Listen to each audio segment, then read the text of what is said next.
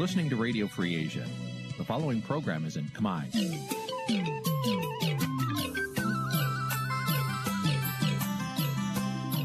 នេះជាកម្មវិធីផ្សាយ Vuthu Azizi Serai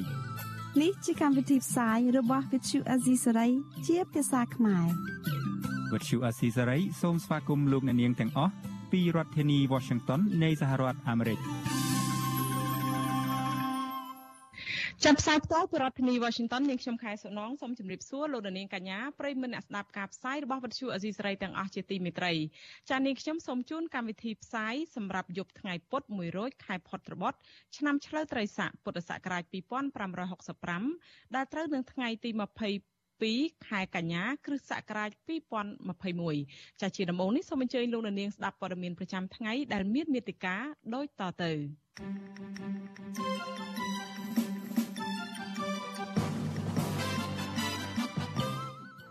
ង្គមស៊ីវិលជំរុញឲ្យរដ្ឋាភិបាលអនុញ្ញាតឲ្យអង្គការ NDI និង IOI បើកដំណើរការនៅកម្ពុជាឡើងវិញក្រុមអង្គការសង្គមស៊ីវិលជាង30ស្ថាប័នស្នើរដ្ឋាភិបាលដោះស្រាយវិវាទដីធ្លីនៅប្រលានយន្តហោះថ្មីដោយសន្តិវិធីអ្នកជំងឺ Covid-19 ចំនួន14អ្នកទៀតបានស្លាប់និងឆ្លងថ្មីជាង600នាក់ជាដើមជាតិច ក្នុងជិត100គ្រួសារអំពាវនាវឲ្យតុលាការខេត្តមណ្ឌលគិរីចាត់វិធានការច្បាប់ប្រឆាំងអតីតមេ PM ម្នាក់និងបពពួករឿងរំលោភដីសមូហភាពរួមនឹងព័ត៌មានផ្សេងៗមួយចំនួនទៀតតែជាបន្តទៅនេះនាងខ្ញុំខែសុណងសូមជូនព័ត៌មានទាំងនេះពិស្ដាចាលោករនាងកញ្ញាប្រិមមអ្នកស្ដាប់ជាទីមេត្រីអ្នកជំងឺ Covid-19 ចំនួន14អ្នកទៀតបានស្លាប់ដែលធ្វើឲ្យករណីស្លាប់ដោយសារជំងឺនេះកើនឡើងដល់ទៅ2154អ្នក នៅគិតត្រឹមថ្ងៃទី22ខែកញ្ញាចំពោះករណីឆ្លងថ្មីវិញ មានចំនួន637អ្នកនៅក្នុងថ្ងៃដដែលនេះ។ក្នុងនោះចំនួន98នាក់ជាករណីនាំចូលពីក្រៅប្រទេសគិតត្រឹមព្រឹកថ្ងៃទី22ខែកញ្ញាកម្ពុជាមានអ្នកកើតជំងឺ Covid-19 ជិត160,000នាក់ក្នុងនោះអ្នកជាសះស្បើយមានជាង98,000នាក់ជាមួយគ្នានេះក្រសួងសុខាភិបាល ជូនដំណឹងទៅក្រសួងទេសចរឲ្យរៀបចំវាយតម្លៃស្តង់ដារសម្រាប់ដាក់ឲ្យអនុវត្តនៅផ្សារទំនើបនិងផ្សារនិងផ្សារសាធារណៈនៅទូទាំងប្រទេស។រដ្ឋមន្ត្រីក្រសួងសុខាភិបាលលោកមុំអ៊ុនហេងបានបញ្ជាក់នៅក្នុងលិខិតចុះថ្ងៃទី22ខែកញ្ញាថាវិធានការនេះគឺដើម្បីជំរុញសេដ្ឋកិច្ចសង្គមនិងអនុវត្តតាមគន្លងថ្មីដោយសារស្ថានភាពការរាតត្បាតជំងឺ Covid-19 នៅកម្ពុជាបានធូរស្រាលនៅភ្នំពេញ រដ្ឋបាលរាជធានីភ្នំពេញនៅតែបន្តដាក់ចេញវិធានការរដ្ឋបាលដោយផ្អាកជាម្ដងអាសន្នចំពោះការផ្អាកសកម្មភាពការងារមុខរបរឬអាជីវកម្មដែលមានហានិភ័យខ្ពស់នៅក្នុងការឆ្លងជំងឺ Covid-19 រយៈពេល14ថ្ងៃបន្ថែមទៀតគិតចាប់ពីថ្ងៃទី24ខែកញ្ញារហូតដល់ថ្ងៃទី7ខែតុលា ចំពោះករណីចាក់វ៉ាក់សាំងវិញក្រសួងសុខាភិបាលប្រកាសថាគិតត្រឹមថ្ងៃទី21ខែកញ្ញារដ្ឋាភិបាលចាក់ជូនទៅប្រជាពលរដ្ឋបានជិតគ្រប់ផែនការ100%ហើយក្នុងចំណោមអ្នកដែលត្រូវចាក់សរុបចំនួន12លាននាក់ចំណែកកុមារដែលមានអាយុពី6ឆ្នាំដល់11ឆ្នាំវិញក្រសួងសុខាភិបាលឲ្យបានបានឲ្យដឹងថារដ្ឋាភិបាលចាក់បានជាង9សែននាក់ក្នុងចំណោមកុមារដែលត្រូវចាក់សរុបជិត1លាន9សែននាក់ ទោះបីជារដ្ឋាភិបាលចាក់វ៉ាក់សាំងចិត្តសម្រាប់ផែនការចំនួន100%នៃចំនួនមនុស្សដែលត្រូវចាក់ក្តីក៏ចំនួនអ្នកស្លាប់និងអ្នកឆ្លងថ្មីដោយសារជំងឺ Covid-19 នៅតែមានកត្តាគួរឲ្យព្រួយបារម្ភដដែលចារយៈពេល4ថ្ងៃមកនេះមានអ្នកស្លាប់ចន្លោះពី13នាក់ទៅ17នាក់ហើយនិងអ្នកឆ្លងថ្មីមានជាង600នាក់ក្នុងមួយថ្ងៃមួយថ្ងៃ។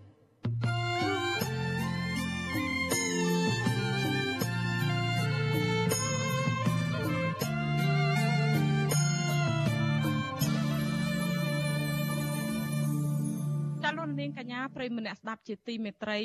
ចាតតតងទៅនឹងរឿងខាងមន្ត្រីអង្គការសង្គមស៊ីវិលឯនេះវិញអង្គការសង្គមស៊ីវិលនៅក្នុងស្រុកបានស្នើទៅរដ្ឋាភិបាលអនុញ្ញាតឲ្យអង្គការអន្តរជាតិធំចំនួន2គឺវិទ្យាស្ថានជាតិប្រជាធិបតេយ្យ NDI និងវិទ្យាស្ថាននិងវិទ្យាស្ថានសាធារណរដ្ឋអន្តរជាតិ IRI បើកដំណើរការឡើងវិញនៅកម្ពុជា ការអំពាវនាវនេះគឺធ្វើឡើងក្រោយពេលដែលថ្នាក់ដឹកនាំ NDI និង IRI បញ្ជាក់ចំហថាអង្គការទាំងពីនៅតែចង់ចូលរួមលើកស្ទួយលទ្ធិប្រជាធិបតេយ្យនៅកម្ពុជាបន្តទៀតចាលោកនាងនឹងបានស្ដាប់សេចក្តីរាយការណ៍នេះពុស្ដានៅពេលបន្តិចទៀតនេះចា៎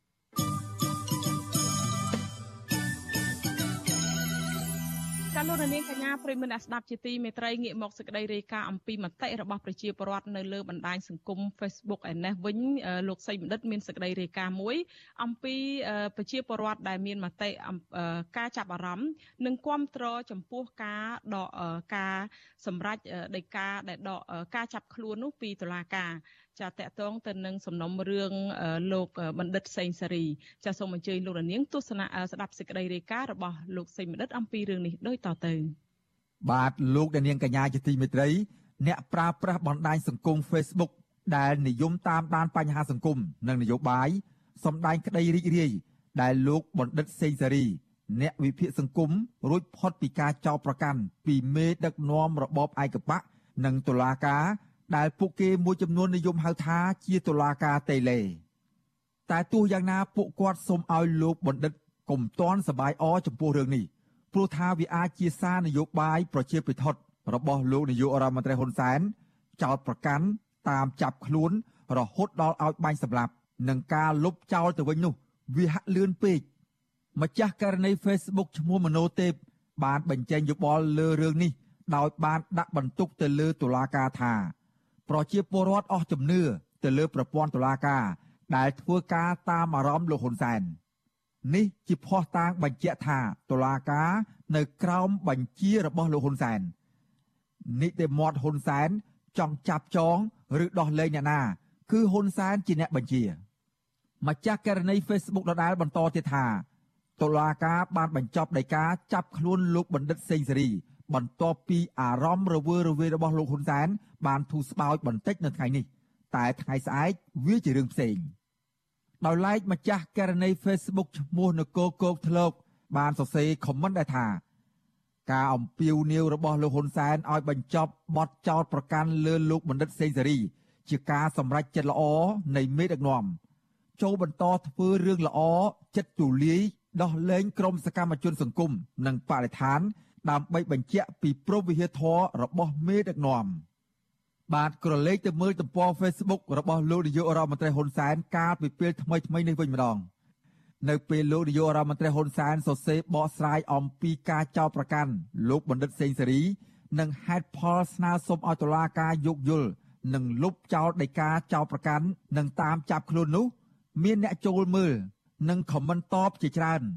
ក្នុងនោះ មានម្ចាស់ករណី Facebook ម្នាក់ឈ្មោះនៀកពាន់បានខមមិនតបថាហ៊ុនសែនពេលនេះ ធ្វើនយោបាយទុកផ្លូវក្រោយដែរហើយនឹងបានគេហៅថាមនុស្សចំណែកម្ចាស់ករណី Facebook ឈ្មោះលីស្រីស្រស់បានសរសេរនៅលើទំព័រ Facebook របស់ខ្លួនដែរថាសម្ដេចយល់ច្រឡំសំណេររបស់បណ្ឌិតសេងសេរីហើយសម្ដេចបានចំណាយពេលស្ដាប់ការពន្យល់ខ្ញុំយល់ថានេះជាសកម្មភាពដែលល្អមួយ ដើម្បីយល់ពីគ្នាទៅវិញទៅមកនិងការអធិស្ឋានគ្នាជៀសវាងការយល់ច្រឡំចំពោះមេរៀនមនុស្សផ្សេងទៀតប្រសិនបើយើងស្ដាប់ឬអានមិនយល់យើងត្រូវតែព្យាយាមស្ដាប់ការពន្យល់របស់អ្នកនិយាយឬក៏អ្នកសរសេរការស្ដាប់គ្នាទៅវិញទៅមកក៏អាចកាត់បន្ថយការយល់ច្រឡំដើម្បីជៀសវាងចំនួនបានដែរដោយឡែកម្ចាស់ករណី Facebook ម្នាក់ទៀតឈ្មោះថា Follow បានសរសេរបែបឌឺដងថា បន្ទាប់ពីមេដឹកនាំជាទីស្រឡាញ់របស់យើង បានចំណាយពេលជិត30នាទី ដើម្បីជេរនិងគំរាមកំហែងចាប់ខ្លួនអ្នកវិភាគពីររូបដែលមានឥទ្ធិពលនៅក្នុងសង្គមបានធ្វើឲ្យប្រជាជនយល់កាន់តែច្បាស់ពីសម្ដេចនិងភរិយាជាទីស្រឡាញ់របស់គាត់ថាមានចរិតនយោបាយបែបណាដូច្នេះហើយបានជាសកលវិទ្យាល័យដ៏ល្បីឈ្មោះជាច្រើន បានចេញនៅសញ្ញាបត្រទាំងនេះ ជូនដល់សម្ដេចបណ្ឌិតទាំងពីរយកទៅប្រើប្រាស់តាមការដែលអាចប្រើទៅបាន មកដល់ត្រង់នេះ Follow មិនបាននិយាយអ្វីទេក៏ប៉ុន្តែគេបានផុសភ្ជាប់នៅរូបគំនូស្រីប្រុសពីរនាក់ដែលទំនងជារូបលោកនាយករដ្ឋមន្ត្រីហ៊ុនសែននិងភរិយាហើយបានសរសេរអក្សរនៅលើរូបនោះថាបណ្ឌិតផ្នែកហិង្សាបណ្ឌិតផ្នែកពុករលួយ និងបណ្ឌិតផ្នែកជេរចំណែកម្ចាស់ករណី Facebook ផ្សេងទៀតឈ្មោះថាសម្បត្តិបាន ក៏បានខមមិនជុំវិញរឿងនេះដែរនិងហាក់ជាការផ្ញើសារទៅលោកបណ្ឌិតសេងសេរីថា លោកសេងសេរីកុំជឿគាត់បោកបញ្ឆោតសម្លាប់និងចោតចាប់គេដាក់គុកច្រើនគ្នាមកហើយកុំជឿកុំជឿកុំជឿកុំជឿបាទស្រដៀងគ្នានេះដែរម្ចាស់ករណី Facebook ម្នាក់ទៀតឈ្មោះថា លោកតារួមគិត បានបញ្ចេញមតិឬខមមិនដែរថា ល្បិចបោកប្រាស់ឲ្យចូលស្រុកវិញ រួចទើបចាត់ការ វាមិនខុសពីរបបប៉ុលពត ដែលឲ្យនិស្សិតខ្មែរត្រឡប់ចូលស្រុកវិញនោះទេម្ចាស់ករណី Facebook មួយទៀតឈ្មោះថាហេងលៀបក៏បានខមមិនស្រដៀងគ្នានេះដែរថាកុំទុកចិត្តលើសម្ដីរវើរវាយរបស់មនុស្សដែលមានបំណងអាក្រក់មកលើយើង ពូម្នាក់នោះបើកឡានក្រុងតាមអារម្មណ៍ស្រវឹងស្រាអាណិតតែអ្នកជិះក្នុងឡានទេ ដែលគ្នាកំពុងកើតជំងឺ stress បាទលោកអ្នកនាងកញ្ញាជាទីមេត្រី ទស្សនៈឬខមមិនចុងក្រោយ ដែលខ្ញុំបាទសូមលើកយកមកបង្ហាញនៅពេលនេះគឺជាសាររបស់សម័យខ្លួន គឺលោកបណ្ឌិតសេងសេរីផ្ទាល់តែម្ដងលោកបណ្ឌិតសេងសេរី បន្ទាប់ពីលោកនាយករដ្ឋមន្ត្រីហ៊ុនសែនបង្ហាញអេរយាបតដកថយក្នុងរឿងប្តឹងផ្ដាល់លោកទៅតុលាការនោះ លោកក៏បានផ្ញើសារភ្លាមទៅក្រុមគ្រួសារជាពិសេស ទៅភរិយា និងកូនសំណប់ចិត្តរបស់លោកយ៉ាងផ្អែមល្ហែមថាម៉ែអាចទៅវត្តនៅថ្ងៃកាន់បិណ្ឌខាងមុខនេះបានហើយម៉ែមិនបាច់បារម្ភពីអ្នកណាថាឲ្យម៉ែថាមានកូនជាជនក្បត់ជាតិនោះទេ ប្រពន្ធសម្លាញ់អូនអាចបើកទ្វាររបងឲ្យកូនរត់លេងវិញបានហើយខ្ញុំបាទសេកបណ្ឌិតវិទ្យុអាស៊ីសេរីពីរដ្ឋធានីវ៉ាស៊ីនតោន ចាលោកនាងកញ្ញាប្រិមមអ្នកស្ដាប់ជាទីមេត្រីរដ្ឋធម្មនុញ្ញដែលជាច្បាប់កម្ពុជារបស់កម្ពុជាចែងថាសិទ្ធិអំណាចធំបំផុតឬអំណាចទាំងអស់គឺជារបស់លោកនាង ដែលប្រជាពលរដ្ឋដែលជាប្រជាពលរដ្ឋចាដោយសារកម្ពុជាជាប្រទេសកាន់យកលទ្ធិប្រជាធិបតេយ្យ អំណាចនយោបាយធំធំទាំង3គឺរដ្ឋាភិបាលរដ្ឋសភា និងតុលាការមានតួនាទីបម្រើប្រជាពលរដ្ឋរកយុត្តិធម៌និងការពារសិទ្ធិរបស់ពលរដ្ឋលើសពីនេះអង្គព្រះមហាក្សត្រមានព្រះរាជតួនាទីធានាការពារសិទ្ធិនិងសេរីភាពពលរដ្ឋថែមទៀតផងតែទោះជាយ៉ាងណារដ្ឋាភិបាលឯកបកក្រោមការដឹកនាំរបស់លោកនាយករដ្ឋមន្ត្រីហ៊ុនសែនរងការចោទប្រកាន់ថាពុំបានធានាសិទ្ធិអំណាចទាំងអស់នេះទេតើស្ថាប័ន តើស្ថាប័នមានទួនាទីបញ្ឈប់អំណាចនយោបាយទាំង3ពីទង្វើផ្ទុយពីរដ្ឋធម្មនុញ្ញចាត់នៅក្នុងពេលនេះយើងមានអ្នកស្រីសុជីវីដែលអ្នកស្រីនឹងឡើងមកសម្ភាសផ្ទាល់អំពីរឿងនេះនៅពេលបន្តិចទៀតចាឥឡូវនេះយើងភ្ជាប់អ្នកស្រីសុជីវីបន្តិចសិនចាចាជំរាបសួរអ្នកស្រីសុជីវីចា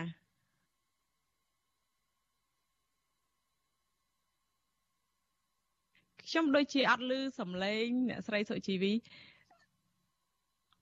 អ្នកសុអ្នកស្រីសុជីវីចាជំរាបសួរឮខ្ញុំទៅចាហើយជំរាបសួរដល់លោកនាងដែលកំពុងតាមដានការផ្សាយរបស់វិទ្យុអាស៊ីសេរីនៅយប់នេះផងចាចាតើនៅពេលបន្តិចទៀតអ្នកស្រីសុជីវីនឹងលើកយកបញ្ហាអ្វីខ្លះមកជជែកជុំវិញថាយើងដឹងហើយថាទិវារដ្ឋធម្មនុញ្ញនឹងនឹងចិត្តមកដល់ហើយនៅប្រហែលថ្ងៃនេះទៀតទេតើអ្នកស្រីនឹងមាន ច្បាច់យកចំណុចសំខាន់អីខ្លះមកជជែកវែកញែកជូនលោកនាងចា ចានៅយប់នេះចាគឺយើងនឹងជជែកពិភាក្សាជាមួយនឹងវាគ្មិនរបស់យើងដែលនឹងចូលមកយប់នេះនឹងអំពីថាតើស្ថាប័នណាដែលមានតួនាទីនៅក្នុងការដែលអាចទប់ស្កាត់រដ្ឋាភិបាលនឹងមិនឲ្យមានការរំលោភទៅលើទៅលើរដ្ឋធម្មនុញ្ញ រដ្ឋធម្មនុញ្ញដែលយើងបានទទួលស្គាល់បានអនុវត្តតាំងពីឆ្នាំ1993មកចាហើយធ្វើយ៉ាងម៉េចដើម្បីកុំឲ្យអំណាចទាំង3ដែលសំណងបានលើកឡើងមិញហ្នឹងគឺមានអំណាចរដ្ឋាភិបាលរដ្ឋសភាហើយនិងតុលាការហ្នឹងច្បោកច្បល់គ្នាបានន័យថារំលោភបំពានគ្នាទៅវិញទៅមកនឹងហើយដើម្បីទប់ស្កាត់កុំឲ្យមានការអន្តរាយអីទៅដល់សង្គមជាតិនៅពេលខាងមុខនេះចាហើយឆ្លៀតឱកាសនឹងដែរចាវាគ្មិនរបស់យើងនឹងពិនិត្យមើលផងដែរថាតើគួរដែរទេដែលត្រូវដាក់ ច្បាប់ស្ដីពីការការពារអ្នកនយោបាយនៅពេលដែលអស់អំណាចនឹងទៅក្នុងរដ្ឋធម្មនុញ្ញដោយដែលអ្វីលោកនាយករដ្ឋមន្ត្រីសែនបានលើកនៅពេលថ្មីថ្មីនេះនឹងចាចាគួរឲ្យចាប់អារម្មណ៍មែនតើចានៅពេលបន្តិចទៀតនេះលោកនាងនឹងបានទស្សនាកិច្ចសម្ភាសនេះរបស់អ្នកស្រីសុជីវីចាសូមអរគុណនិងជំរាបលាអ្នកស្រីត្រឹមប៉ុណ្ណេះសិនចាចាសូមអរគុណ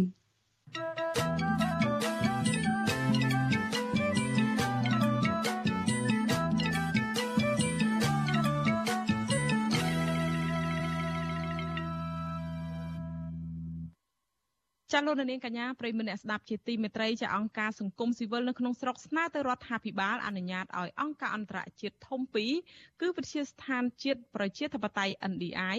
និងវិទ្យាស្ថានសាធារណរដ្ឋអន្តរជាតិ IRI បើកដំណើរការឡើងវិញនៅកម្ពុជា ការអំពាវនាវនេះគឺធ្វើឡើងក្រោយពីថ្នាក់ដឹកនាំអង្គការ NDI និង IRI បញ្ជាក់ចំហថាអង្គការទាំងពីរនៅតែចង់ចូលរួមលើកស្ទួយលទ្ធិប្រជាធិបតេយ្យនៅកម្ពុជាបន្តទៀតចាសសូមអញ្ជើញលោកនាងស្ដាប់សេចក្តីរាយការណ៍របស់លោកទីនសាការីយ៉ាអំពីរឿងនេះក្រុមអង្គការសង្គមស៊ីវិលលើកឡើងថាអវត្តមានរបស់អង្គការ NDI និង IRI រយៈពេល4ឆ្នាំមកនេះជាការខាតបង់សម្រាប់ជាតិពីព្រោះស្ថាប័នទាំងពីរ បានរួមចំណែកយ៉ាងសំខាន់ក្នុងការពង្រឹងលទ្ធិប្រជាធិបតេយ្យនៅកម្ពុជាជាង20ឆ្នាំមកហើយក្រុមអង្គការសង្គមស៊ីវិលរំពឹងថារដ្ឋាភិបាលនឹងពិចារណាអនុញ្ញាតឲ្យអង្គការអន្តរជាតិទាំងពីរអាចបើកដំណើរការនៅកម្ពុជាឡើងវិញបាន ដើម្បីឲ្យពួកគេបន្តបេសកកម្មរបស់ខ្លួនតទៅទៀតប្រធានសមាគមការពារសិទ្ធិមនុស្សអាត់ហុកលោកនីសុខាមានប្រសាសន៍ថាអង្គការ NDI និង IRI បានជួយគាំទ្រដល់ដំណើរការប្រជាធិបតេយ្យនៅកម្ពុជាតាមរយៈការផ្តល់ថវិកាដល់គម្រោងនានាពាក់ព័ន្ធនឹងលទ្ធិប្រជាធិបតេយ្យជាមួយគ្នានេះលោកថាអង្គការទាំងពីរបានជួយបណ្ដោះបណ្ដាលនិងពង្រឹងសមត្ថភាពរបស់មន្ត្រីអង្គការសង្គមស៊ីវិលនិងគណៈបកនយោបាយគ្រប់ភាគីលោកបានថែមថាក្រុមអង្គការសង្គមស៊ីវិលក្នុងស្រុកនៅតែអំពាវនាវដល់រដ្ឋាភិបាលអនុញ្ញាតឲ្យអង្គការអន្តរជាតិទាំងពីរអាចបើកដំណើរការនៅកម្ពុជាឡើងវិញបាន។ ការចោទប្រកាន់ផ្សេងផ្សេងទៅលើអង្គការទាំងពីរនឹងថាជាអង្គការគ្រប់គ្រងឲ្យគណៈបកនយោបាយនេះគណៈបកនយោបាយនោះខ្ញុំគិតថានេះជារឿងមួយដែលយើងមានការសោកស្ដាយដែរព្រោះថាកន្លងទៅខ្ញុំឃើញសកម្មភាពរបស់គាត់ធ្វើគឺមិនមែនសំដៅលើបកនយោបាយណាមួយទេបាទសូម្បីតែគណៈបកកាន់អំណាចហ្នឹងក៏ធ្លាប់បានចូលរួមសិក្ខាសាលាចូលរួម training ឬក៏ចូលរួមអីជាមួយនឹងខាងអង្គការទាំងពីរនឹងដែរបាទការអំពាវនាវរបស់មន្ត្រីអង្គការសង្គមស៊ីវិលនេះ ធ្វើឡើងបន្ទាប់ពីថ្នាក់ដឹកនាំរបស់អង្គការ NDI និង IRI លើកឡើងនៅក្នុងទិវាប្រជាធិបតេយ្យអន្តរជាតិកាលពីសប្តាហ៍មុនថាពួកគេរំពឹងថាអង្គការទាំងពីរនឹងអាចវិលមកកម្ពុជាវិញបាននៅថ្ងៃណាមួយទោះជាមានការខកចិត្តចំពោះការដើរថយក្រោយនៃលទ្ធិប្រជាធិបតេយ្យយ៉ាងណាក្តីប្រធានវិជាស្ថានប្រជាធិបតេយ្យ NDI លោក Derek Mitchell មានប្រសាសន៍កាលពីថ្ងៃទី15កញ្ញាថាអង្គការ NDI រងចាំការវិលត្រឡប់ទៅកម្ពុជាវិញ ដើម្បីចាប់ផ្ដើមជាថ្មីនៅការងារដែលបានធ្វើរយៈពេល25ឆ្នាំកន្លងមកហើយប៉ុន្តែលោកថាក្តីសង្ឃឹមហាក់ដូចជាមានតិចណាស់ពីព្រោះអង្គការ NDI មិនធ្វើការក្រមសម្ពាធនោះទេ We only work in places where we are welcomed in. Uh, we are not out to do something, you know, underhanded. We're not going to be in the country. យើងធ្វើការតែនៅកន្លែងណាដែលគេស្វាគមន៍ប៉ុណ្ណោះយើងមិនទៅធ្វើការបែបលាក់លៀមទេ យើងនឹងមិនធ្វើការនៅក្នុងប្រទេសណាមួយរបៀបវិធានសាសនានោះទេ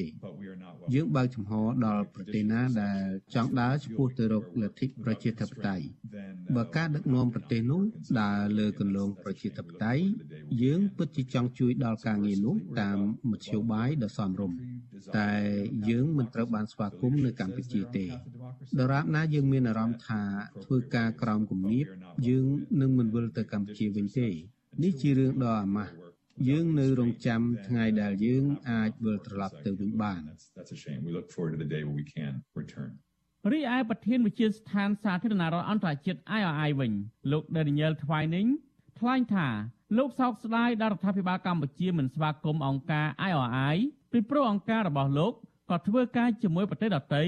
ដែលមានប្រព័ន្ធដឹកនាំប្រហាក់ប្រហែលនឹងកម្ពុជាដែរ។ you know, it's a little surprising because we work in Laos, we work with the Vietnamese Communist Party. ដឹងទេវាជារឿងគួរឲ្យភ្ញាក់ផ្អើលបន្តិចពីព្រោះយើងក៏ធ្វើការនៅប្រទេសឡាវយើងក៏ធ្វើការជាមួយគណៈបកកុម្មុយនីសវៀតណាមដែរ IRI និង NDI មិនមែនធ្វើការតែនៅក្នុងសង្គមដែលខុសពីកម្ពុជានោះទេ តាមពិតយើងក៏ធ្វើការនៅក្នុងសង្គមជាច្រើនដែលស្រដៀងនឹងកម្ពុជាដែរយើងមានមិត្តភ័ក្តិ និងដៃគូជាច្រើននៅក្នុងប្រទេសកម្ពុជា ហើយយើងពិតជាសង្ឃឹមថានឹងអាចវិលទៅវិញនៅថ្ងៃណាមួយតកតងនឹងបំណងវិលត្រឡប់មកកម្ពុជាវិញរបស់អង្គការ IRI និង NDI នេះប្រធានអង្គភិបអ្នកនាំពាក្យរដ្ឋាភិបាលលោកផៃសិផាន មិនបកស្រាយរឿងនេះទេដោយលោករុញឲ្យទៅសួរក្រសួងការបរទេសវិញវិទ្យុអាស៊ីសេរីបានព្យាយាមតាក់ទងអ្នកនាំពាក្យក្រសួងការបរទេសលោកកុយគួងដើម្បីសាកសួរអំពីរឿងនេះដែរ តែទូរស័ព្ទចូលពុំមានអ្នកទទួលនៅថ្ងៃទី22កញ្ញាវិជាស្ថានជាតិប្រជាធិបតេយ្យ NDI និងវិជាស្ថានសាធារណរដ្ឋអន្តរជាតិ IRI ដែលមានមូលដ្ឋាននៅសហរដ្ឋអាមេរិកនឹងធ្វើការលើកស្ទួយលទ្ធិប្រជាធិបតេយ្យទូទាំងពិភពលោក